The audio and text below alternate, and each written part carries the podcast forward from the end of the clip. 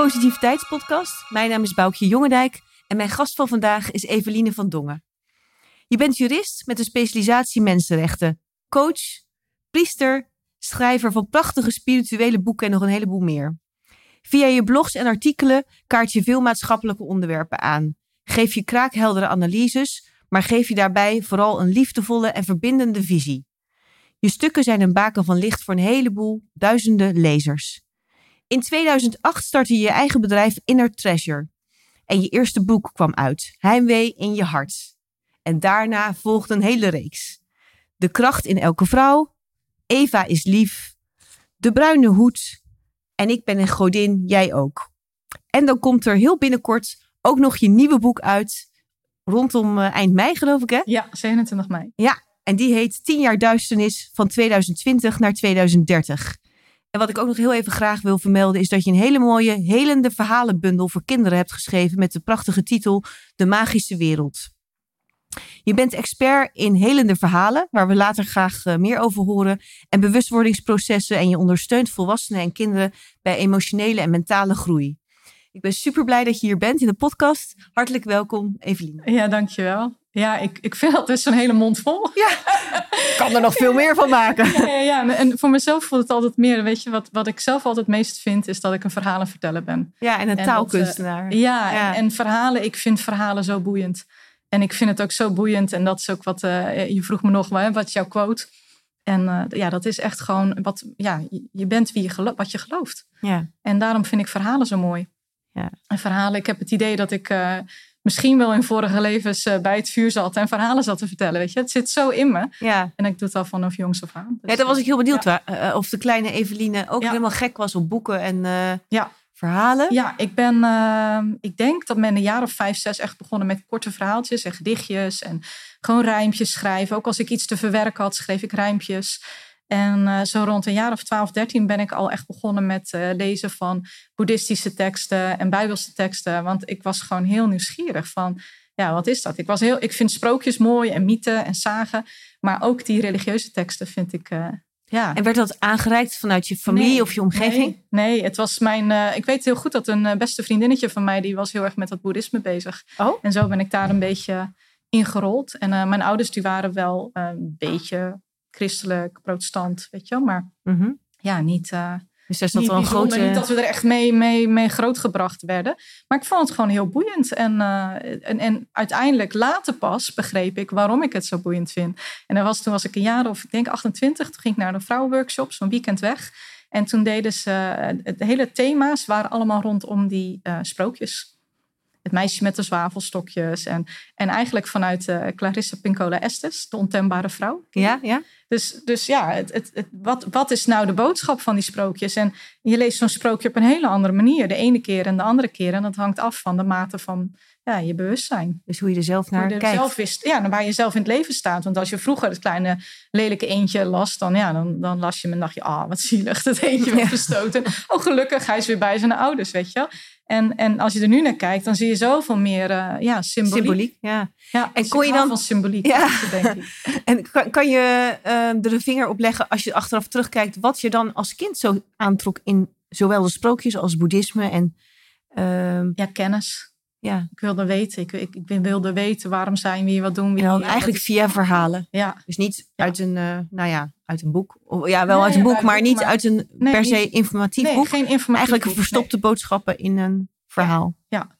Ja, ja in, in een soort van wijze, wijze teksten waarvan je dacht van, hé, maar waar, wat zit daarachter? Waar komt dat vandaan? En ja, waarom geloven mensen? Weet je, dat in het begin ook. Waarom geloven mensen? Ja. En wat maakt het? En dat, dat iets overtuigt ook.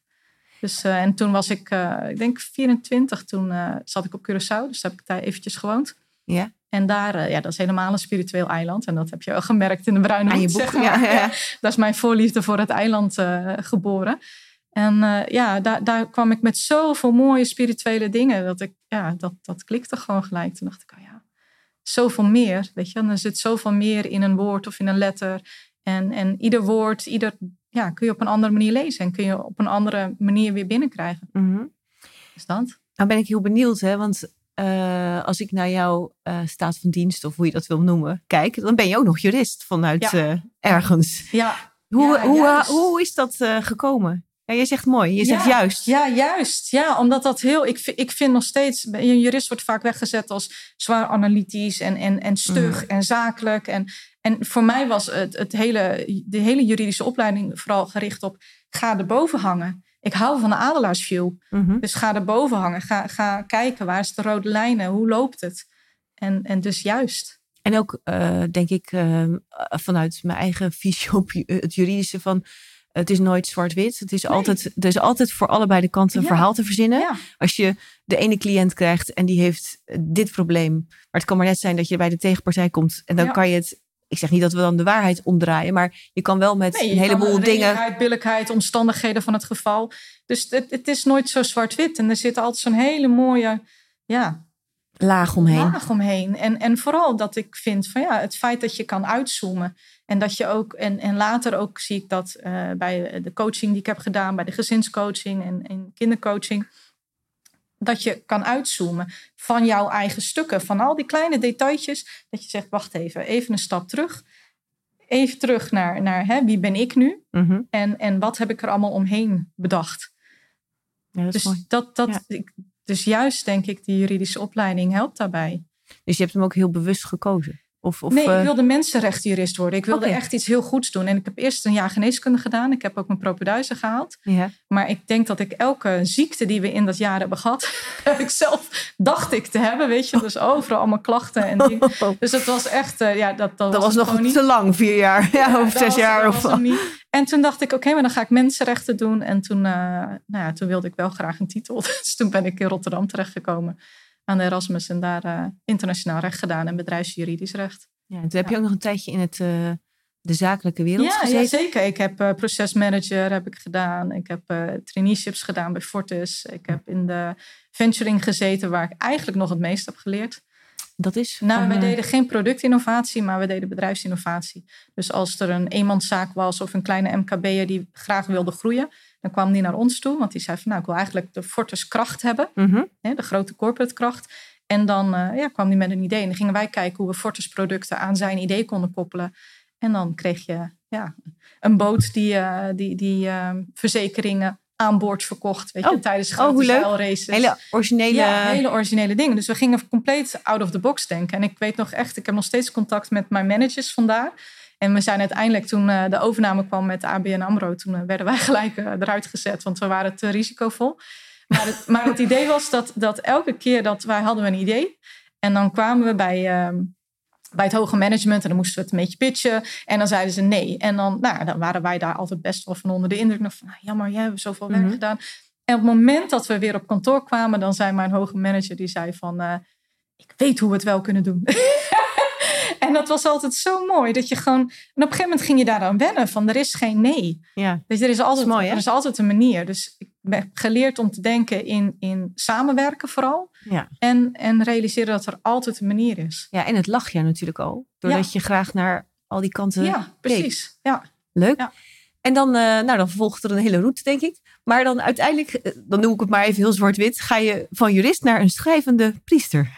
Word je. Die is Ja. toch wel heel leuk. Ja, dat, dat is op een gegeven moment toen ik kinderen kreeg, toen ehm, realiseerde ik me al snel dat alles wat ik had gedacht en gepland en hoe het allemaal stru- gestructureerd moest zijn, dat ging hem niet worden. Ik Mhm. had een kind met hele zware voedselallergieën en eh, in het begin Oké. eh, astmatische aanvallen. ehm, Oh, heftig, ja. Ja, dus die had heel slecht gereageerd op een eh, vaccinatie. Eh, een van de weinige die ik hem had gegeven, maar daar Mhm. reageerde hij heel slecht op. En daarna is de hele ellende begonnen. Dus die had een ander soort zorg nodig. Dus ja, dan wil je hem ook niet aan een ander overlaten. Hij had altijd een EpiPen bij zich. En toen dacht ik van ja, Oh, hoe joh. kan ik hem nou gaan helpen? En Mhm. Toen was ik bij een eh, maatschappelijk werker een keer. En nou, toen zei ze van ja, nee, ik begrijp hoe je je voelt. En ik had ook wat persoonlijke dingen. En toen vroeg ik aan haar van oké, heb je zelf zoiets meegemaakt dan? Mhm. En toen zei ze nee, nee, maar ik zie het, ik heb het wel gezien. En toen zei ik ja, maar als je het zelf niet hebt meegemaakt, dan begrijp je me niet. Mhm. Dan kan je me niet helpen. Mhm. Dus toen ben ik ook weer weggegaan. Ik heb haar vriendelijk bedankt. En- Maar ja, toen in, in dat stuk dacht ik, ja, maar wie kan nou eigenlijk mijn kind het beste helpen? En dat ben ik. Dus toen ben ik verhalen gaan schrijven voor kinderen. Dus toen ben ik me gaan verdiepen in de helende verhalen. Ja, wil je eens vertellen, Ja. wat ik vind het een prachtige eh, woord, maar ook voor de luisteraar. Wat, wat, wat Ja. versta jij of eh, hoe kijk jij eh, tegen een, wat is een helend verhaal? Een helend verhaal is wat mij betreft een verhaal die ehm, verder gaat dan een affirmatie. Dus met een helend verhaal. Maar dus een affirmatie is een. je zegt iets, je dus zegt dat iets- blijft eigenlijk een ja, beetje in iets, je... iets opwekkends, hè? iets Ja. positiefs om jezelf eh, een bepaalde kracht mee te geven, om het zo maar te zeggen. Ja, maar het blijft toch ergens, omdat je niet een diepere laag pakt, niet je onderbewustzijn meeneemt, blijft het hangen. Dus het blijft in een bepaald. Weet je, je gaat jezelf een verhaal vertellen, maar het klikt niet. En natuurlijk, op het moment dat je dat heel vaak doet, dan ga je er iets in die flow mee. Mhm. Maar een helend verhaal, die is eigenlijk een, een metafoor of een, een symbolisch iets die jou helpt om in jouw onderbewustzijn een ander, ja, een ander zaadje te planten. En dat is zo dat het is een, vaak een hoofdpersoon die maakt iets mee, wat jij ook hebt meegemaakt op een bepaalde manier, Mhm. maar die gaat het anders doen. En dat haakje, ik kan hem heel simpel vertellen. Er is bijvoorbeeld een, eh, mijn nichtje, die eh, was heel erg voor haar broertje aan het zorgen toen mijn zus Mhm. was gescheiden. Ja. Dus die was continu met haar broertje bezig. Die moest allemaal maar gelukkig zijn, ze gingen voor zorgen. Maar ze gingen zelf van onderdoor natuurlijk. Want Mhm. dat ja, was ten eerste haar taak niet, maar het was ook veel te zwaar. Dus toen had ik een verhaaltje geschreven over een, een konijntje dat de wereld droeg. En dat konijntje had een karretje en met dat karretje ging je dus alle Ik problemen zie van het helemaal voor me. Van vriendjes oplossen. En die liep en dan nam dit mee en dat mee. En op een gegeven moment liep dat konijntje, ja, dat karretje werd steeds groter en het konijntje dat liep daar. En die, Mhm. pff, en die liep daar door het bos te zeulen met zijn karretje. En die zag al zijn vriendjes spelen, behalve hij. Mm. En toen realiseerde zich, oké, weet je, ik, ik loop nou te veel met, met andermans lasten in mijn karretje. En daardoor vergeet ik mezelf. En mijn nichtje aan het einde van het verhaal, mijn moeder had het voorgelezen. En eh, mijn moeder vroeg, nou, wat vind je dan van het verhaal? En mijn nichtje zei van, ja, ik, eh, ik, oma, ik denk dat ik dat konijn ben. Oh. Weet je wel? Dus Ja. zo werkt het. En de Mooi. volgende dag, toen gingen mijn moeder met mijn nichtje en mijn neefje en mijn andere nichtje gingen ze pannenkoeken eten. En mijn neefje wilde niet luisteren. En mijn moeder was dus allemaal achter het jongetje aan het lopen van... kom nou eten, Valentijn, kom nou eten. En je Mhm. pannenkoek wordt koud. En op een gegeven moment voelt ze tik, tik mijn nichtje op haar arm tikken. En zegt, oma, mijn moeder zegt ja. Zegt, volgens mij ben jij nu dat konijn. dus zo werken helende verhalen. Mooi. En door het te herhalen, gewoon echt een dag of zeven, iedere keer te lezen. Dus wat je eigenlijk ook doet met het voorlezen van Ja. kinderen s'avonds. Ja, naar het is eigenlijk net als sprookjes en mythen en zagen. Alleen dan eh, vind ik ze iets liefdevoller. En je hebt Want dus eigenlijk... eh, gruwelijke monsters die, eh, of, of botten die rim- rammelen, zoals bij Blauwbaard. ja, ja, ja. Ja. Maar je hebt, ze, je hebt dus op bepaalde thema's, denk ik dan, eh, heb je nagedacht hoe je kinderen in hun welzijn kan... Ja, echt. Ik heb ondertussen- Een steuntje kan geven. Ja, ruim 300 eh, Wauw. verhalen geschreven voor kinderen die een ouder verliezen of weet je, op wat voor manier trauma. Ze helpen met zelfvertrouwen of eigen, gebrek aan eigenwaarde. Eh, als ze vastlopen op school, als ze last hebben van hoogbegaafdheid of juist de, de hooggevoeligheid, eh woede, weet je, Mooi. op. En daar heb ik een online wereld voor gemaakt toen. Dus dat was in de tijd dat mijn kinderen Leuk. Ja. opgroeiden en ook tegen dingen aanliep. En ik dacht, ja, ik zie nergens iets waarbij ik ze op liefdevolle wijze kan helpen. En toen heb ik er schattenjachten aan gekoppeld. Dus dan bracht dat nog meer tot leven. Dus dan kon je in die schattenjacht ook het hele verhaal beleven en dingetjes, opdrachten doen. En, Leuk, eh, ja, leuk, leuk, En toen leuk. werden ze ouder. En toen dacht ik, ja, nou kan ik weer iets anders Ja, doen. ja. Dus zo groei ik eigenlijk mee. mee met in hen. wat het, het leven. En heeft het ook ehm, voor, je, eh, voor je zoon, eh, die dus kampte met, met vervelende problemen, heeft dat verlichting gegeven of hulp Nou, ge- geboden? zeker. Wat, wat ik bij hem vooral zie, want mijn jongste die was gewoon veel anders. Die, die had al een bepaalde geaardheid en een vuur van zichzelf. Dus Mhm. ja, die, die liep sowieso overal doorheen. Maar ik zie bij mijn oudste, doordat we zo vroeg ook bij hem... Hij moest leren ventileren, om ventileren wat hem benauwt, wat er van binnen zit, wat er Mhm. speelt. Mhm. Ja, hij is echt een, eh, een, een heel bijzonder wijs kind, zeg maar. Hij is nu 13 en eh, ja, het is een volwaardig gesprekspartner voor een volwassene, al zou die willen. Hè? Het is Mhm. ook nog een kind, maar hij Mhm. kan ook die hele andere kant zo goed benoemen en zo goed voelen, dat het, eh, ja, dat het hem echt heel erg goed geholpen heeft door te leren ja, te uiten. Mooi. Ja, heel mooi. Ja. En nog even terugkomend op die helende verhalen. van het heeft dus effect, omdat je zegt eigenlijk, het heeft, heeft het dan effect op je brein of heeft het effect op je gevoel? Nee, brein. Het is echt bewezen als jij trauma meemaakt of bepaalde gebeurtenissen, dat er dan bepaalde synapsen worden verbroken. En die kan je dus herstellen door een nieuw verhaal te vertellen. En trauma, even. Trauma ja. kan van alles zijn. Ja, dat wil ik zijn, Nee, precies. Er kan ook iets kleins zijn. doet, er kan ook iemand die je op school eh, even laat struikelen, expres. Of, eh, Whatever. Ja. ja. precies. Maar wat, waar ik het altijd uitleg is dat je eigenlijk in het leven ehm, allerlei dingen meemaakt die jouw brein opslaat als een verhaal. En een verhaal met kleuren en geuren en, en misschien eh, muziek erbij of wat dan Mhm. ook. Dus daarom is het als jij iets herinnert dat je denkt, oh ja, dat je een geur ruikt, denkt, ah, dat was toen. Of dat je muziek hoort en weer helemaal iets beleeft wat je ooit hebt beleefd. En ehm, dus die sla je op als een verhaal. En soms is zo'n Mhm. verhaal heel mooi. Mhm. En dan word je er gelijk instant blij van. En dan als wij het erover hebben, dan klikt het en dan Mhm. voel je die sparkle. Maar Mhm. soms is een verhaal ook pijnlijk. En dan noem ik altijd als een verhaal met een zwart randje. Het heeft geen goudrandje, maar Ja, een zwart randje. Dat was ook heel mooi in dit boek, eh, als ik het goed zeg, Ja. te lezen. Ja. Want ehm, als, als je dat zo uitlegt, is het dan de gebeurtenis zelf of is het hoe je het zelf. Hoe je het zelf interpreteert. Ja, want dat is wel. Dus je maakt zelf. Je hebt Je maakt zelf. er zelf iets van. Vaak, va- hè, zeker bij kinderen die zeggen dan ik ben het niet waard.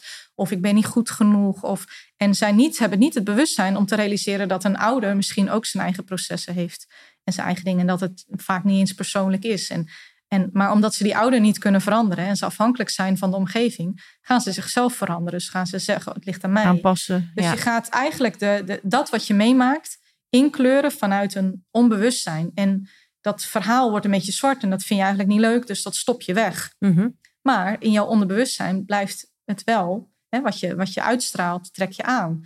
Dus jouw onderbewustzijn blijft wel eigenlijk verlangen van jou om daar licht naar te brengen in dat donkere, zwarte verhaal. Mhm. En daarom kom je dan telkens dingen tegen. Daarom hoor je wel eens mensen zeggen, heb ik nou weer zo'n relatie? Ja. Of heb, loop ik nou weer tegenaan? Maar dat is gewoon een oud verhaal. Wat je, nou ja, een, zwart, een verhaal met een zwart randje. Vraagt om jouw liefde. Om eigenlijk zelfliefde. Ja, want dat is dan ehm, eh, wat we hieruit ook kunnen meenemen. Hè? Van, eh, hoe, hoe kan je je eigen zwarte verhaal naar een goudrandje maken? Ja. Dat is door er licht op te schijnen, schrijf je heel ja, mooi. Er bewust van te worden. Dus Ja. dat is het licht wat je erop schijnt. Mhm. Ja. En hoe kan iemand dat concreet doen? Ja, snap je wat ik bedoel? Van, eh, Nou, de ene heeft er meer gevoel bij hoe je dat moet doen. Maar heb je daar een tip voor hoe je dat kan doen? Voor mij is het altijd van op het moment dat je... En, en dan zie ik het altijd voor me. Dat je bent zo'n poppetje. Je hebt je zo je hart, je ziel. Mhm. En daar zitten al die verhalen omheen. En de ene is heel mooi en schijnt en de ander Mhm. zwart. En op het moment dat jij geraakt wordt. En het is eigenlijk buiten proportie. Je voelt ook van, oh, dit is eigenlijk voor deze situatie. En Ja. je bij wijze van spreken dat je op de, snel, de snelweg iemand helemaal met een vinger, middelvinger achter en tutert en zo. Weet je dat? Of je ja. heel erg verdrietig ineens bent. Mhm. Van hé, hey, waar, waar, waar, wat, wat voel ik? Waar, waar heb ik dit eerder gevoeld? En hoe meer je stil kan staan en, en, en even niet kan reageren, dus dat uitzoomen van de, de omgeving naar binnen keren, de only way out is in, geloof ik altijd. Weet je? Mhm. Dat je naar binnen gaat en voelt van, oeh, weet je wel, waar heb ik dit eerder? Wat, wat, waar herinnert dit me aan? En als je daarnaar durft te kijken, zal je altijd zien dat je het wel eens eerder hebt meegemaakt. Ja, waarschijnlijk heb je dan ook niet die middelvinger opgestoken. Nee, nee, toen niet. Nee, Nee, Dus- precies. Dus, Want dus dan heb je toch ook even erger. tijd. Het Ja, wordt want- ook om het gewoon eh, tot rust te laten komen. Ja. En op het moment dat je dan, dan denk je, en, en als je dan een keer hebt van, oh ja, toen ik, en, en dat klinkt dan altijd, weet je, vind ik altijd zo abbollig van, oh ja, toen ik klein was, toen had ik dat ook. Maar het is wel fijn om het te erkennen van, oh ja, hé, hey, daarom reageer ik zo. Wat, maar wat had ik toen nodig? Nou, toen had je waarschijnlijk liefde nodig, of erkenning, of bevestiging, Mhm. of gezien, gehoord voelen. Mhm. En nou ja, geef dat jezelf maar. Oh ja. Weet je, je bent Ja, dat is ook wel mooi. Van, nu- geef het jezelf maar, dan ben je ook niet afhankelijk van de Exact. omstandigheden. Ja, Dus ben je eigenlijk ook ja. Ja. daar zelf verantwoordelijk voor en kan je het zelf ook oplossen. exact. En Dat dan vind ik altijd wel heel mooi, Zelfliefde Ja. en verantwoordelijkheid nemen en ja, het laten. En dat wil niet zeggen dat als je dan uit liefde weer naar de omgeving gaat reageren, dat iedereen dan ook gelijk liefdevol terug doet. Maar dan maakt het niet uit, want je bent alleen maar verantwoordelijk voor jezelf. En waar je misschien aan de ene kant niet die erkenning of bevestiging krijgt, komt die dan misschien wel uit een hele onverwachte hoek van de andere kant weer. Ja. Dus, eh, dus dat, ja, stilstaan bij als je, als je echt voelt, oeh, ik word eigenlijk overdreven geraakt nu. Wat zegt dat over mij en, en waar heb ik dat eerder gevoeld en wat kan ik mezelf nu geven? En het is eigenlijk altijd liefde, En eigenlijk, zachtheid. Mooi. En dat is Ja. eigenlijk ook voor kinderen. Maar dat Ja. is voor kinderen wel iets moeilijker om eh, nou, dat moment van stilstaan even te zoeken, denk ik. Nou, eigenlijk vind ik dat juist vind ik dat verbazend van niet. Ja? Ik, had, eh, ik heb een tijdje gewerkt ook als zorgcoach op een school. Ja. En er waren twee jongetjes die als zij dan eh, geraakt werden en boos werden, nou dan ten eerste sloegen ze alles kort en klein. Maar daarna gingen ze dus onder een tafel zitten of ergens in een hoekje onder een deken. Maar ook zo'n muffige oude deken, weet je, met stof en viezigheid, dat ik ook echt dacht. En op een gegeven moment, Ja. why? Weet je, dus ik ging ernaast, en op een gegeven moment ben ik naast hem gaan zitten. Ik zeg, hey, ze keek onder een dingetje door, weet je. Ik zeg, wat is er? Ik zeg, oké, ik snap dat je, hè, dat je even worstelt met jezelf, dat je boos bent, dat je van alles voelt. Ik zeg, maar nu maak je het jezelf nog rotter. Ik zeg, ik weet dat je niet met me wil praten. Ik weet dat je niemand even wil zien. Ik zeg, maar ga dan op de bank liggen. Wij hebben hier een bankje. Daar konden ze lekker op zitten om zich terug te trekken. Ik zeg, wees lief voor jezelf. Ik zeg, juist nu. Ik zeg, dus ga lekker zitten. Wees lief voor jezelf, want je zal zien, dat werkt wel. Oké. Nou, en toen luisterde hij niet. De tweede keer ging hij met die deken op de bank zitten. De Mhm. derde keer was het al zonder over Mhm. zijn gezicht te trekken. Mhm. En toen vro- vroeg ik aan hem, zeg, gaat het zo beter als je hier zit? Ja, juf, het gaat zo beter. Ik zeg, nou, maar dat dacht ik ook. Ik zeg, geef je aan wanneer je iets nodig hebt? Ja, geef ik aan. Dus eigenlijk Mooi. is het heel simpel. Ja. Het is zelfliefde, zelfzorg. En ik had een jongen die was 13 jaar eh, en die was al zeven jaar onder behandeling bij diverse hulpverleners vanwege depressies die hij had. En omdat hij op school niks at, met niemand sprak, met zijn hoodie over zijn hoofd zat en zich compleet afzonderde, thuis Mhm. kwam met hoofdpijn. En Mhm. nou, tuurlijk, want je doet niet aan zelfzorg. Mhm. Op een gegeven moment zei ik ook tegen hem, zeg, help je jezelf te mee als je daar op school zit en niks eet en niks drinkt en, en niet leuk doet. En toen zei hij, ja, maar anders denken ze dat ik het naar mijn zin heb en dan moet ik op school blijven. Mm. En toen zei ik ook, maar je moeder zit hier nu bij mij omdat ze weet dat jij niet meer naar school wil. Mhm. Ik zeg, dus dat hebben Dat we weten we. Dat, dat, gaan we dat doen. hebben we in de gaten. We gaan Ja. een ander traject met jou in. En zeg maar, zorg voor jezelf. Ga gewoon drinken. Ga, ga eten. Je hoeft jezelf niet ziek te maken om gezien en gehoord te worden. Nou, in zijn geval bleek zijn vader exact hetzelfde te doen, al bijna zeven jaar. Hm. Want die wilde niet meer naar zijn oude werk. Eh, en die was bang dat mensen hem daarop af zouden vallen. Mm. Van, hè, dat, het dan, dat hij dan Mhm. zou falen. Dus die deed maar alsof hij ziek was. Die bleef dat volhouden. Het verhaal, ik heb een burn-out en ik kan niet. Dus het was ook nog systemisch. En toen hij dat begreep, toen zei die jongen... Oh, Ik stop ermee. dat ga ik ook niet meer doen. En toen kon hij gewoon naar school gaan. Hij heeft vrienden nog gemaakt in die laatste maanden. En hij is uiteindelijk zelf studie psychologie gaan doen. Dus ik heb juist het idee... Wij volwassenen vinden het allemaal heel ingewikkeld. En Ja, eh, ik heb mooi. dat ook. Ik ben ook met, eh, met onderwijs met bezig, met, eh, vanuit onze lichtkerk, zeg maar. En daarin zeg, hebben we altijd van die discussies over... ja, dit hebben kinderen nodig. En ze moeten aarden en ze moeten yoga en mindfulness... en van alles en nog wat. En dan denk ik, nee, ze hebben helemaal niks nodig. Dat is alles wat wij nodig hadden gehad. Maar Ja. dat wil niet zeggen dat zij het nodig hebben. Een kind is van nature geaard, ge- geïnteresseerd, nieuwsgierig, leergierig. Laat hem, bied gewoon aan en, en blijf Pak uit ze die zelf wel. drama. Ja. Ja, en dat vinden heel veel mensen moeilijk. Want wat ik nodig heb gehad, wil niet per se zeggen dat het goed voor jou is. Nee. Nee, en het wordt ook allemaal wat rustiger. Hè? Als je gewoon zelf eh, kan kijken van wat is, wat is er aan de hand en wat hebben we nodig. En wat heeft het kind echt Ja. nodig? Niet wat ik denk dat hij nodig heeft. En dat is ook wel lastig, want ik dacht, oh, mijn kinderen kunnen makkelijk VWO. En, weet je, en dat kunnen ze ook, maar ze willen het niet. Dus ja, maakt niet uit. Nee. Dan ga je ermee in mee. Ja, en dit gaat ja, wat mij betreft dan ook wel om eh, dat het kind het ook eh, zijn keuze kan eh, Ja. doorlopen, toch? Ja. Van, eh, Ja, en dan zie je heel veel nieuwe initiatieven die zeggen: we hebben het kind centraal staan, we zijn kindgericht, het belang van het kind. Maar die gaan heel erg in het, en, en dat zie ik dan, het, het, het, het moeders, moederscholen. Weet je, het liefst buiten lopen de hele tijd en wortels eh trekken, spreken. Nee, maar het hele zachte, het, het pamperende, het, het, het loslaten van kind bepaald. En ik wil geen leraar zijn, ik wil, hem, ik wil niet opvoeden, ik wil alleen maar volgen. Maar ja, weet je, een kind heeft ook structuur nodig Ja. en regelmaat. En wa- wat, wat ik steeds meer zie, en dat is ook wat in mijn nieuw boek dan ook eh, komt, is dat het, het mannelijk momenteel, en, en vooral jongens, Mhm. jongensgedrag en, en man zijn, heeft te lijden Ja. onder het gekwetste vrouwelijke. ja, het gekwetste vrouwelijke van voorheen. Ja. ja, ja. Dat nu naar buiten komt, waar voor vrouwen nu erkenning vragen, en dat snap ik, hè, die heling. Maar dan wordt er gezegd van ja, de vrouwen gaan de nieuwe wereld leiden. Maar niet dit zacht vrouwelijke. Nee. Want lijden is niet alleen maar, ja, dat, dat weet je ook. Weet je, dat is ook die, het is ook mannelijk en vrouwelijk. Dus het, het, het, het Aquarius-tijdperk, waar dan wordt gezegd van die gaat de verandering brengen. Nee, die gaat heling brengen. Ja. Ik denk dat de verandering pas komt als echt mannelijk-vrouwelijk samengaan. Ik vind het ook heel mooi. Uh, ik denk dat het, jij zegt ook dat het is yin en yang. En ja. uh, ik, vind ook dat Tibor Olgers, uh, die, die ja. zet ook de, de man stoer neer en de vrouw met haar eigen kwaliteiten. Ja. Zacht en, en vrouwelijk. En maar ook gewoon uh, autonoom. Mm. Maar ook de man heel duidelijk ja. van. Uh, ja, ik ja. vind dat juist ook. Ik denk ja. dat het juist samen heel mooi kan zijn. Ja. Denken mensen misschien anders over, maar dat maakt niet uit. Nee. Maar ik denk ook van uh, het een hoeft het ander ook niet weg te duwen. Dat, nee, ik, ik, weet met Bruine Hoed, met mijn boeklancering. Toen was echt ook het thema was van hey, het vrouwelijk vuur. Mm -hmm. Dus niet per se het vrouwelijke zachte, hè, want het vrouwelijk zacht is nooit, is nooit verbrand. Nee. oh, je bedoelt qua heksen en qua dingen? Ja. Het zachte vrouwelijke, de moeder, mm -hmm. die is nooit verbrand. Mm -hmm. Het is het, het, de, de godin, de, het vuur. Mm -hmm. um, degene die kan transformeren. De, de, de krachtige vrouw. De, de wijze vrouw. De, de vrouw die eigenlijk in die magische dimensie zit. Die is verbrand. Maar we laten heel vaak denken dat dat zachte vrouwelijke de weg eruit weer is. Dat is alleen maar een stukje van de heling. Maar dat vind ik dan ook wel leuk, want jij noemt Antigo, maar die zet nog niet die vlammende vrouw neer. En ja, ik snap wat je bedoelt. Een stukje ja, ja, ja. Wat, wat, waar, waar we wel erkenning voor willen. En dan wordt het de genezeres gevraagd, de vrouw die in, in, hè, de, in, de, in de kruiden danst. Ja, ja. en doet, ja, ja. Weet je? Ja. Maar, maar wat is, en, en dat is denk ik het stukje waar we nog naartoe mogen gaan. En wat ik hoopte. Ook, ook met jouw boek te schrijven. Ja, met, uh, ik ben een godin jou. Dat ik dacht van ja, maar dat is ook een stuk van, van het vrouwelijke. Wat ook in de man zit.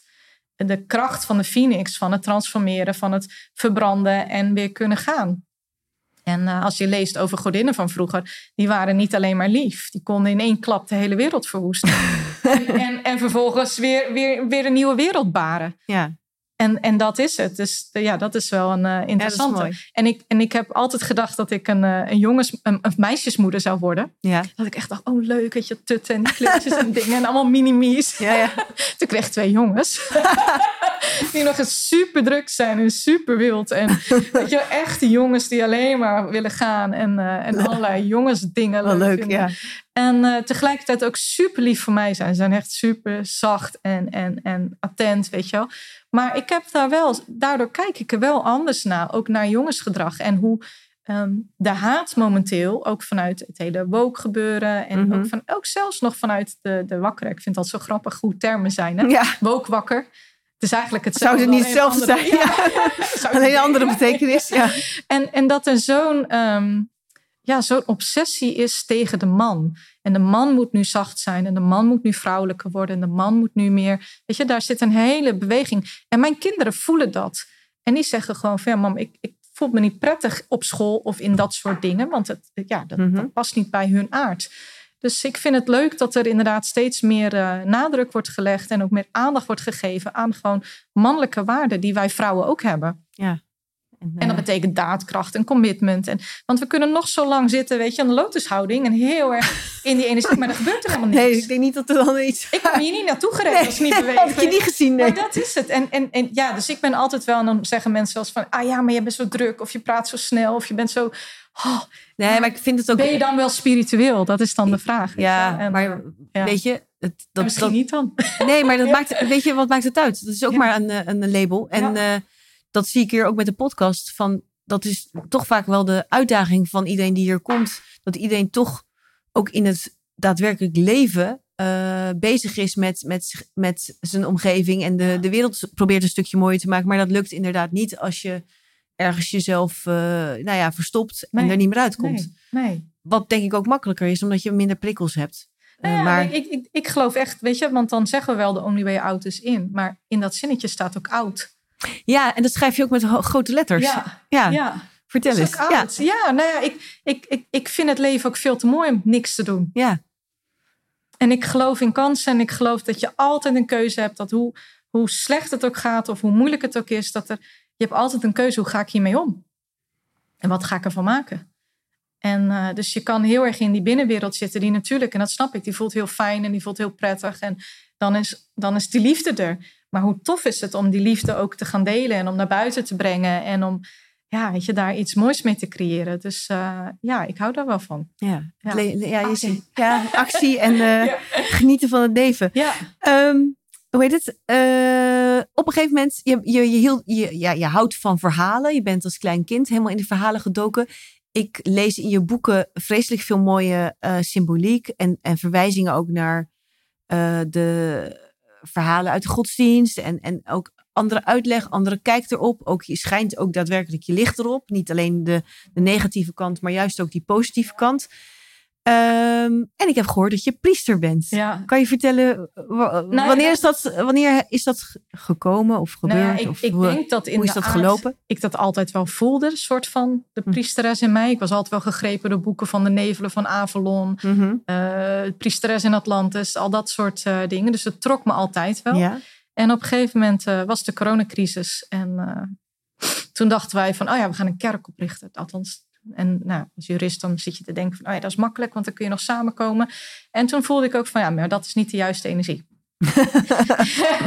dus dat doen we niet. En toen waren er heel veel anderen, dus dat was prima.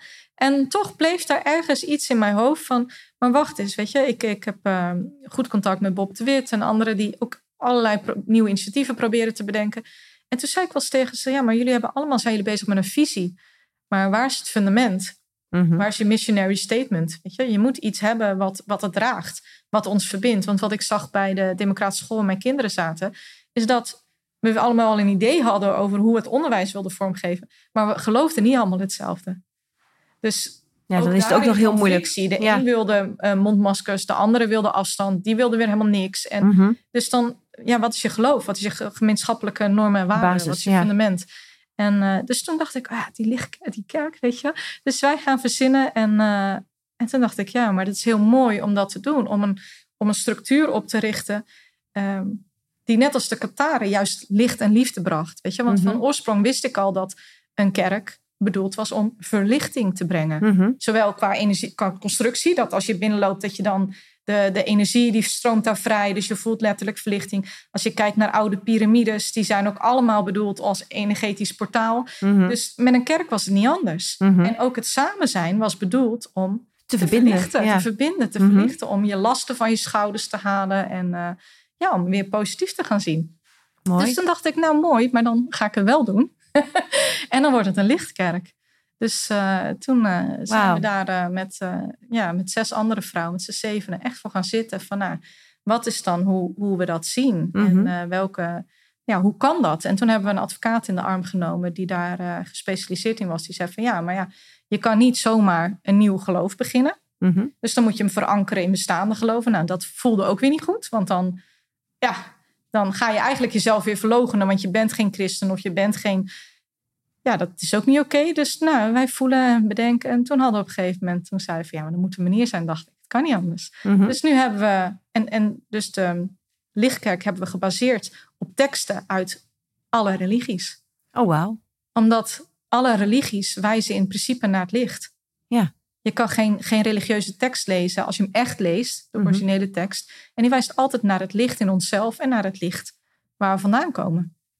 Dus door het te gronden op eigenlijk het hele, ja, de hele voorraad aan mooie teksten, mhm. is onze kerk op die manier uh, gefundeerd. En toen ben je met de andere uh, oprichters priester geworden? Nou, toen zijn we verder gegaan en toen hebben we inderdaad gezegd van nou goed, als je die dingen aanhangt en op die manier ook naar buiten. Nou, iedere kerk heeft een priester nodig en mhm. heeft iemand nodig die dan uit naam van die lichtkerk naar buiten draagt, ja. Mm zo, uh, Oh, mooi. Ja. Wat mooi. En dan hebben jullie bijeenkomsten? Ja, ja. ja binnenkort uh, eh, 21 mei in uh, Rosmalen. Ja. ja.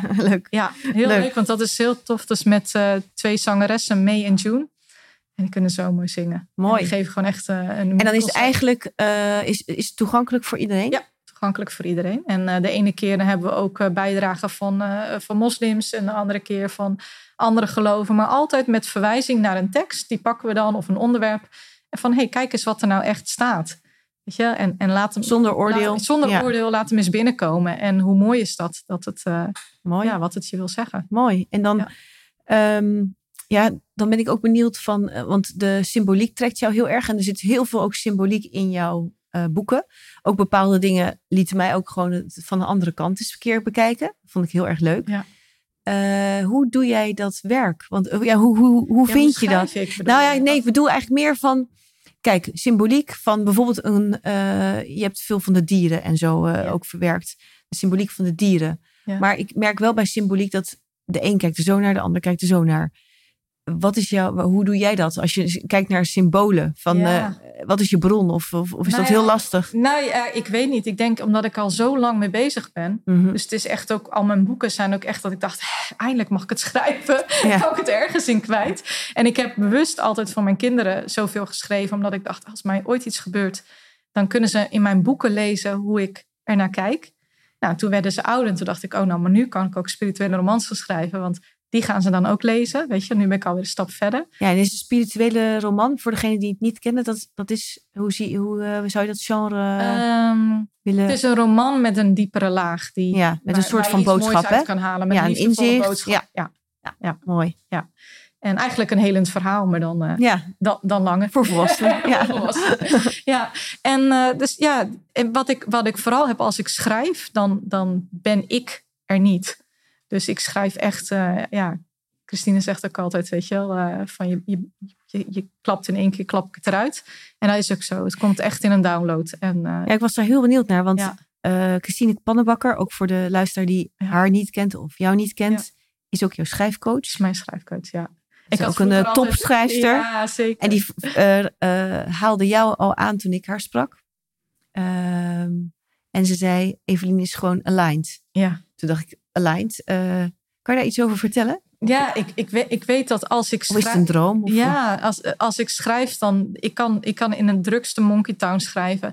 Ik kan, weet je, het maakt me echt niet uit. Dat was wel fijn toen je kleine Ja, kinderen had. want- Ja. Want dan ging ik gewoon schrijven en zij gingen spelen. Dus op het moment dat ik mijn, ja, ga typen of mijn pen vasthoud... Of, dan, dan moet het eruit. En ik, krijg, ik, kan dan, ik kan dan ook niet meer stoppen.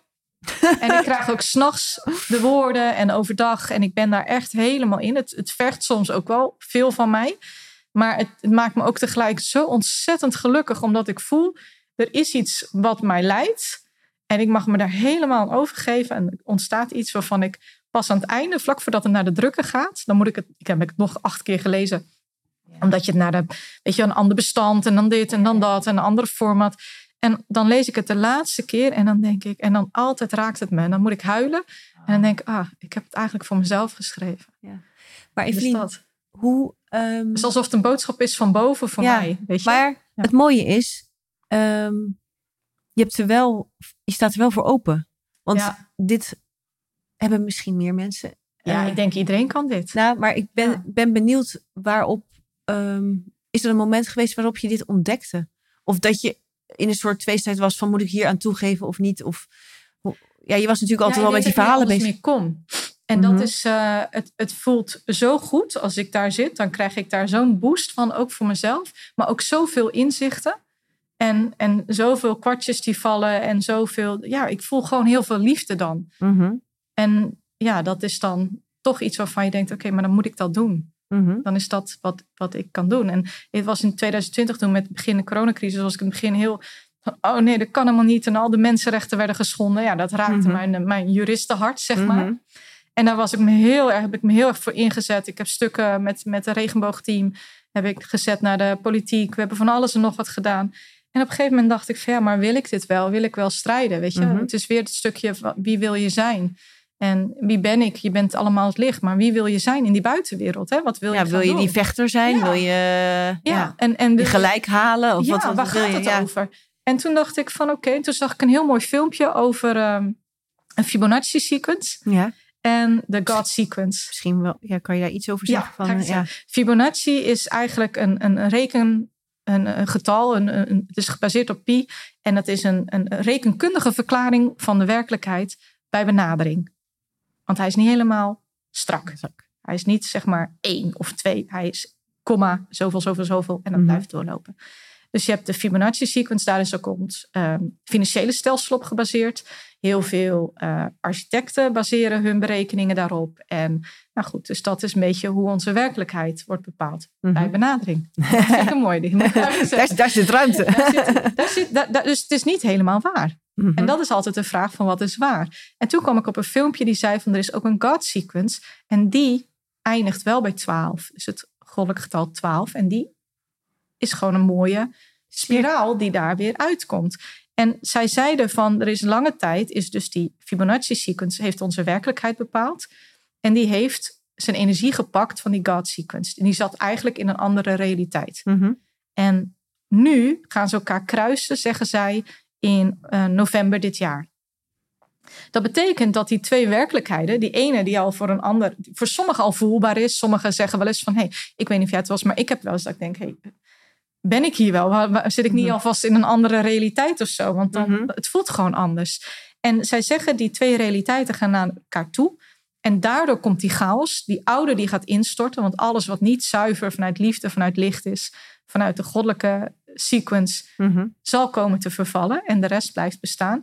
Dus die Fibonacci, die werkelijkheid, die eindigt. Mhm. En dat zien we. En of je dat nou het einde van de vierde industriële revolutie noemt of whatever. Maakt niet of uit hoe je het noemt. ja. economische recessie of whatever. Je ziet hem in elkaar storten, die oude, dat oude systeem. Mhm. En eh, waarschijnlijk hebben heel veel dat van tevoren ook aanzien komen. Dus iedereen zit te proberen van hoe gaan we dat voorkomen. En soms denk ik wel eens, het is maar goed dat heel veel mensen dat aanzagen komen. Want als we helemaal niks doen, dan komt er anarchie. En dan Mhm. lopen we met eh, geweren op elkaar of hakmessen te hopen dat we nog eten hebben. Mhm. Dus welk systeem het ook tijdelijk op gaat lossen, er komt een shift. Mhm. En ja, het is aan ons, gaan we die shift leuk pakken of niet? En als je dan kijkt van, dan kan je nu al kiezen. Ga ik op die God sequence zitten? Kies ik voor liefde? En dan ook echt voor liefde, voor vergeving van alles wat er is. En iedereen die misschien anders ziet dan ik, of anders heeft gedaan Of dan iets ik. eh, fout heeft gedaan. Of iets wat fout dan heeft, ook. whatever. Ja. Kun je echt, want ik geloof namelijk niet dat er een God is die ons straft. Ik geloof dat er een, een goddelijke energie is die ons iedere keer weer de kans geeft om liefde te kiezen. Dat is heel hoopvol. Ja, en, en dus had ik 2020, dacht ik, ja, maar ik wil niet meer strijden, want die oude die stort toch in. Dus waar ga ik dan mee bezig zijn? Ga ik dan, ga ik dan mijn energie verspillen aan iets wat Eigenlijk toch met iets weggaat? ouds. Ja. Mhm. Of ga ik alvast het nieuw bouwen? Dus toen, nou, zo is de lichtkerk en onderwijs en ja, allerlei dingen ontstaan. En, en het schrijven van die boeken. Toen Ja. dacht ik, nou, als ik het nu niet doe, dan Nee, wanneer dan? maar eigenlijk heb je, ja, ben je echt aan het bouwen. Ja, Heel mooi. Ja. ja en vooral ook hoop te bouwen aan, het, ehm, aan de hoop. Aan, Ja. aan, aan het, eh, het wegnemen van angst. Nou, dat vind ik ook Ja. leuk, want eh, dit is de Positiviteitspodcast. En jouw nieuwe boek heet natuurlijk ook van ehm, Eh, tien jaar duisternis. Tien jaar duisternis. En toen dacht ik, jeetje, Eveline, heb je ons nog wel... eh, maar inmiddels wist ik een beetje wat je deed en wat je... toen dacht ik, nou, er zal vast ergens een, een fijne boodschap voor ons in zitten. Ja, nou ja, ik geloof echt dat, dat we zelf de keuze hebben. Of hem tien jaar duisternis laten zijn. Of dat je zelf die stap maakt en hem eh, tien uur laat zijn, bij wijze van spreken. Ja, dan is eigenlijk... Ja. En, en de, de houvast is dan, eh, wat jou betreft, ook liefde, hè? Ja, ja. Eh, En, en, en vooral innerlijke autoriteit. Kijk, als je kijkt naar welke religieuze tekst dan ook. Het gaat altijd om, om een verlichting in jezelf bereiken. Dus om je geestelijke verlichting, je geest verlichten. Mhm. Je geest verlichten van zwaarte, van negativiteit, van angsten, van schuldgevoelens. Nou ja, weet je. En, en daarna is het met zelfliefde. Ja, Je, je hart openen en, en zien hoe mooi het leven kan zijn en hoe je kan verbinden. Ja, het is eigenlijk ook die, wat jij in het begin vertelde, die, die donkere verhalen verlichten. Ja. Tot, tot iets, Ja. iets draaglijks of iets moois zelfs. Ja, tot iets, meestal is het iets moois. Ja. Want alles wat je meemaakt, wordt je kracht. Als je er vanuit zelfliefde naar kan kijken, vanuit bewustzijn van... hé, hey, wacht even, ik heb daar iets gedaan wat, wat mijzelf heeft ondermijnd... maar dat hoef ik helemaal niet meer te doen. Nee. Weet je, je kan het nu anders doen. Je hebt ieder moment van de dag kan je kiezen om het anders te doen. En, en dan zijn er, ja, weet je, ik heb wel eens discussie, want dan zeg je, ja, wie wil je zijn? En dan worden mensen wel eens geïrriteerd. Ja, je hoeft helemaal niemand te zijn. En dan zeg ik, ja, nee, dat snap ik. Ja. Want je bent al. Hè? Je bent al, punt. Dat is. Mhm. maar, maar we zijn toch wel, denk ik, met z'n allen hier ergens op aarde gekomen om er Om iets, van te doen, ja toch? Ja. om, om een, en als, al is het maar om ervan te genieten. En als je kijkt hoe de, en dat is natuurlijk met Eva's liefde, is, die gaat echt over die wurggreep van schuld. Hoe we in een schuldmaatschappij zijn gekomen. Dat je, je mag niet eh vrijpostig zijn. Je mag niet eh, schaamteloos genieten. Als vrouw mag je niet heel overdreven, bij wijze van spreken, seksueel. Alles is overdreven en is te. Mhm. En, en het genieten van, van de kleine dingen is bijna al een kunst geworden. Dus de kunst van het genieten, weet je. Ja. En, en dat is gewoon bijzonder. En dat hoop ik ja, bij te dragen. Dat we gaan zien dat, het, eh, dat je daar zelf een keuze in hebt. Dat echt die innerlijke autoriteit. Want dan krijg je ook die. ehm, weet je, dus zie je steeds meer mensen die zeggen: ik wil soeverein zijn of ik wil autonoom zijn. Ja. En Ten eerste, nou ja, jij weet ook autonoom. Dat is iedereen, want je kan altijd zelfstandig denken en handelen. Ja. Dus dat is al een hele rare, rare gebruik van een woord. Dus dan ben ik echt zo'n moord, zo'n woordvisser, weet je. Maar soeverein, dat, dat zit in jezelf. Ja. Als ik tegen jou moet zeggen, hey, ik verklaar mij soeverein. Dan heb ik blijkbaar Moet ik dat dan bevestigen of zo? Ja. Dus, dan, dus dan vraag ik jouw externe autoriteit om mij te erkennen. Ja. Maar soevereiniteit zit in jezelf. En dat is die geestelijke verlichting. Dat is die innerlijke autoriteit. En ja, weet je, daar geloof ik in. Ja, want je zei eigenlijk ook van eh, Eva is lief, dat boek en De Bruine Hoed. ehm, en Ik ben een godin, jij ook. Hebben eh, een soort van overkoepelend thema. Hè? Ja. En, de- Ja, ik En- wist het niet, maar ik, ik zei, Christine zei het laatst. Ja, je bent een oeuvre aan het schrijven. Ik Ja. ja, nee, want, ja. want het hoort allemaal bij elkaar. ja, het hoort bij Er komt er elkaar. nog één, Nina. En dan jouw grootste boodschap daarin is van eh, pak je innerlijke Ja, heerlijke autoriteit. autoriteit. Ja. Ja. Je hebt altijd een keuze. En is dan je nieuwe boek ehm, in datzelfde thema of zie je dat anders? Ja, het is wel in hetzelfde thema, maar het is wel echt totaal een boek. Ik hou wel van mezelf uitdagen. Dus waar Eva's lief zijn echt drie verhaallijnen die, die ook echt inspelen op eh, de werkelijkheid, op de lockdowns die er waren. En nou goed, de stadverhaal. Bruine Hoed is echt een, een, een wegleesroman. Ja, Het is echt een vakantieboek, heerlijk weet je. Ja. Dus dat vond ik ook wel weer leuk. Ja. Maar ja, de godin is heel persoonlijk. Mhm. Dat is echt mijn, mijn epiphanies door de jaren heen. En eh, tien jaar duisternis, daar wilde ik echt, ik wilde dat het spannend zou zijn. Dat je echt van begin tot het eind echt denkt van, Ja, dat je echt dat dikke boek gaat Ja, eh, soms- verslinden. ja, Ja. weet je, dat je echt niet kan stoppen. En op een gegeven moment kreeg ik één keer, eh, nou meerdere keren, maar Christine zegt altijd heel leuk commentaar erbij. En dan zei ze van, oh nee, laat die man met rust. niet weer iets, weet je. Dat, dus, dus dat, dus dat vond ik heel tof om een heel dikke boek, echt een dikke pil te schrijven die ook ehm, die je in die spanning meeneemt. En die je echt, zeg maar, die rollercoaster, waardoor die, die rollercoaster waar we nu met z'n allen in zitten, en heel veel mensen individueel ook met eh, persoonlijk vlak, werk of wat dan ook, dat je die echt Relaties, zo voelt. eh, en noem dat je dan, Ja. "Arm", weet je, Ja. dat, die, dat die ergens springt, maar je wil hem ook uit en je wil er ook in. Dus dat. En, Leuk, eh, ja. En de volgende, daar had ik wel, er komt er nog één in die lijn, die past echt Eva en de Bruine Hoed. En de volgende, dat zijn wel echt drie boeken die een beetje bij elkaar ook horen. Mhm. Ehm, maar dat wordt een science fiction. Wauw. Dus dat wordt met Ga je aliens. helemaal los. Ja, Ja. weet je, dat is ook leuk dat dat kan. Ja. Dus ik probeer wel, ik hou wel altijd, ja, weet je, de lijnen zijn wel hetzelfde. En, eh, maar elke keer geef ik weer meer verdieping en weer meer Ja, en waar, informatie. ja, waar ik een en, beetje eh, moet lachen, dat, dat je zegt net van als het dan zo is, dan overkomt het me als het ware. Dus dan zit ik helemaal in die schrijftrans. Maar hoe doe je dat met 666 bladzijden? Eh, is dat dan... gewoon niet stoppen. Nee, ja, ik, ik heb dan, maar je dan eet, heb ik een je eet nog dan of Ja, zo? ja, of, ik neem mijn kinderen naar de, naar de training en zo. Ja. Maar ik, heb een, ik kan dan heel erg een soort van ijzeren discipline hebben. Had ik ook met mijn rechtenstudie. oh ja, Want ik heb mijn twee richtingen in drie jaar gedaan. zo. Maar door gewoon, ja, door gewoon te zeggen oké, Dat gaan we doen. van die tot die ga ik schrijven. Dan heb ik even rust. Dan ga ik schrijven. Even rust. En eh, nou, waar ik in het begin, toen ik heel jong was, had ik altijd, weet je wel, dan wilde je lekker zitten. En dan had je Ja. zo'n setting nodig en een kaarsje en Ja. geurtjes en wat eten. En dan moest ik mezelf in het begin ook echt belonen. Van, oh ja, als ik dan een paar hoofdstukken af heb, dan krijg ik een stuk taart of zo, weet je wel. Of dan mag ik thee, Ja, of dan mag ik sporten. En nu heb ik eh, eigenlijk alleen maar voor mijn kinderen altijd een kaars aan. Van als ik een kaars aan heb, dan Werkt mogen ze me niet storen. Oh ja. Oh, Maar mooi. op een gegeven moment hebben ze bedacht, oh, dan blazen we hem toch uit. Dus ja, lekker. Maar dat is het enige. En als ik zit, ik word daar zo gelukkig van. Dus het is ook iets wat... En ik heb, eh, ja, weet je, dit Echt is... die grote passie. Ja, en ik, ik heb ook echt wel een rottijd gehad de laatste jaren. Ik, eh, mijn relatie was eh Ja. 2,5 Begrijp ik. jaar al uit. En wij woonden nog samen, want ik kon geen ander huis vinden. Zo is ook nog pittig. En ja. ja, en, en hij had al een andere relatie, dus dat is nog pittiger. Dus ik heb ook echt wel in een, in een donker gat gezeten. En Mhm. dan Maar je hebt wel- me. Heel erg licht gebracht voor anderen. Ja, Ja, en, en ja, dus hopelijk ook, voor, mezelf. jezelf. Ja. Maar juist dat. Dus het geeft mij houvast. En het is alsof ik op die manier praat met een iets wa- waar ik geen, Deel van geen deel van... Ja, wel een deel van maar, maar waar ik niks over te zeggen. Die mij gewoon zegt van nou, schrijf maar. Waardoor ik aan het einde van elk boek dacht... Oh ja. En het was heel grappig, want na het einde van Eva... toen heb ik een, uh, een ayahuasca-ceremonie gedaan. Ja. Waarbij ik echt zo dat hele verhaal van Eva heb geleefd. Dat ik echt dacht, mijn god, laat me met rust. Dit boek ga ik niet uitgeven. het was toen al uit. Dus, en toen met de bruine hoed, ook dat stuk. Dus op de een of andere manier lijkt het ook. Ik schrijf het en ik, ik, ik put heel veel uit mijn eigen leven. En uit wat ik heb ontdekt. Maar ook uit anderen en wat ik zie. En, veel kennis. Je deelt ook veel kennis. Ja. ja. En tegelijkertijd komt er ook zoveel nieuws die me gelijk weer direct naar de richting waar ik heen moet of zo. Dus dan denk ik, oké, kom maar weer op. Weet je, en toen met de godin, kom maar weer op. Dan gaan we wel.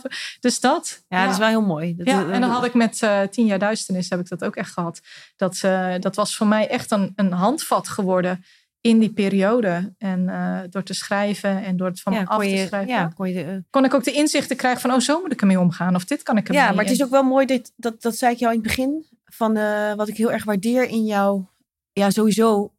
Dat het, het, is heel gaaf om te lezen en heel veel informatie. En ik hou heel erg zelf ook van symboliek. Ik vind het prachtig.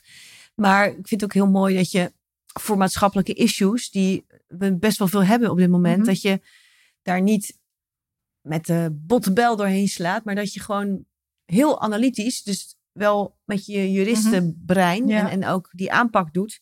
En vervolgens geen oordeel. En, en toch wel zacht. Uh, nou ja, dat iedereen ook zich erin kan vinden, wie dan ook. Ja. Of, of er iets, iets aan kan hebben. Of je, hoeft je, je hoeft het niet allemaal mee eens te zijn. Of, of wat dan ook. Maar het prettige is dat het. Uh, ja, het, het, het, het, ogen, opent je ogen. Maar het opent ook je hart. Stond ergens, op, op ergens in de recensie. te denken ja, dat, dat is nou precies wat je aan het doen bent. Je, je wil wel dingen laten zien. En dan mag iedereen vervolgens ermee doen wat hij lekker wil, zelf wil. Maar dat kan ook, ja, kan ook je hart openen. Het kan ook heel verwarmend zijn. Want het zijn wel hele, uh, ondanks dat er over duisternis wordt gesproken, zijn het hele hoopvolle boodschappen. Sowieso. En is het toch een helend verhaal elke keer? Ja, elke voor keer weer. Want ik neem je mee op reis. Ik, ik, hoop je mee op reis te nemen, de lezer althans. Nou, je hebt mij uh, op een paar uh, mooie reizen meegenomen. Ik ga er graag nog meer beleven. Nee, en ik geloof dat het een beetje, voor mij is het wat ik op een gegeven moment ging zien toen ik uit die boosheid kwam en uit die emotie. Mhm. Dat ik dacht, oeh, er zit echt wel heel veel emotie in mij dat ik zo heftig reageer op die gebeurtenissen in de externe wereld. En toen, toen ging ik zien dat het voor mijn gevoel een soort van pendule is. Weet je, zo'n klok die van de ene naar de andere kant gaat. En ik wil eigenlijk in dat gouden midden zitten, in die alignment. Ja. En, en dat, als we daar allemaal komen, dan komen we in die, in die, in die liefde, in dat, in, dat, in dat goud, in dat creatieveld. En die klok, die gaat, de klepel gaat de ene keer deze kant op, en de andere keer naar links, de andere keer naar rechts. En het is elke keer ja, maar dezelfde de andere kant van de medaille. Ja, dus dat maar ik is vind het ook het mooie verhalen wil proberen. Ja, en het mooie is ook doordat je dan naar het midden gaat, uh, staat het ook voor, voor als, als je al moet spreken van verschillende kanten of partijen of hoe je dat ook wil zien, is er altijd een haakje om aan te haken. je raakt niet uit verbinding. Nee, dat vind ik. Uh, jij gaat niet ergens links staan of je gaat niet ergens rechts staan. Maar je probeert het wel bij elkaar te brengen. En ik denk dat we daar juist ook nu behoefte aan hebben. Ja. Dat, we, dat, dat we elkaar opzoeken en dat er een samenleving is die, uh, ja, er is al genoeg. Dus laten we elkaar vinden ergens. Dus dat is, ja, want dat was met heel de de spiegel. Ik weet niet of jij die ook had begrepen dat ze er echt instapt. Weet je, we hebben heel vaak hoor je dan van we moeten in de spiegel kijken. En ik geloof dat we er echt in moeten stappen. We moeten van die ene kant van die klepen van rechts naar links kijken. En dan zien we, net als Wook wakker, mhm. dat we hetzelfde doen, alleen vanaf een andere kant. Ja. En waar, waar je ziet dat de meer spirituele kringen momenteel Um, ook heel erg op het sobere leven zitten. Je moet sober leven. Je mag niet, hè, ego is allemaal niet goed. Je mag niet Ehm, beloningen vragen voor wat je doet, uh, rijkdom. En we moeten zo min mogelijk bezit hebben, klein leven. Maar dat is precies wat er ook natuurlijk wordt gezegd vanuit die uh, Great Reset, vanuit de WEF. Van nou ja, hè, we moeten niks meer bezitten. You own, own nothing and be happy. Mhm. Dus we doen ik zie continu zie ik die spiegel. En dat ik denk van hé, hey, we mogen in die spiegel stappen. En kijk het dan eens vanuit de andere kant. En dan zie je dat, dat die mensen misschien zeggen wat jij niet wil horen. Maar het komt er dan wel. is het hetzelfde. Eigenlijk bewegen we naar hetzelfde. Ja. Um, dus dat, en en dus volgens mij is het ook nog wel belangrijk dat van het leven genieten. Ja. Ook, ook uh, als, als er tegenslagen zijn. Ja, zeker. Ik, de grootste mensen hebben hun vrijheid gevonden in gevangenschap. Mandela. Ja, ja. Maar is zo. En, ja. en, en als je dat voelt, en Jezus, mm -hmm die heeft eh, ook zijn verlichting gevonden aan het kruis. En niet letterlijk, ik geloof nog steeds niet dat hij letterlijk uh, daaraan gehangen heeft, maar dat het echt een, iets is van hij liet zijn oude ik voordat hij die geestelijke verlichting bereikte en, en het, ja, weet je, gelijk werd aan God, liet hij achter aan het kruis.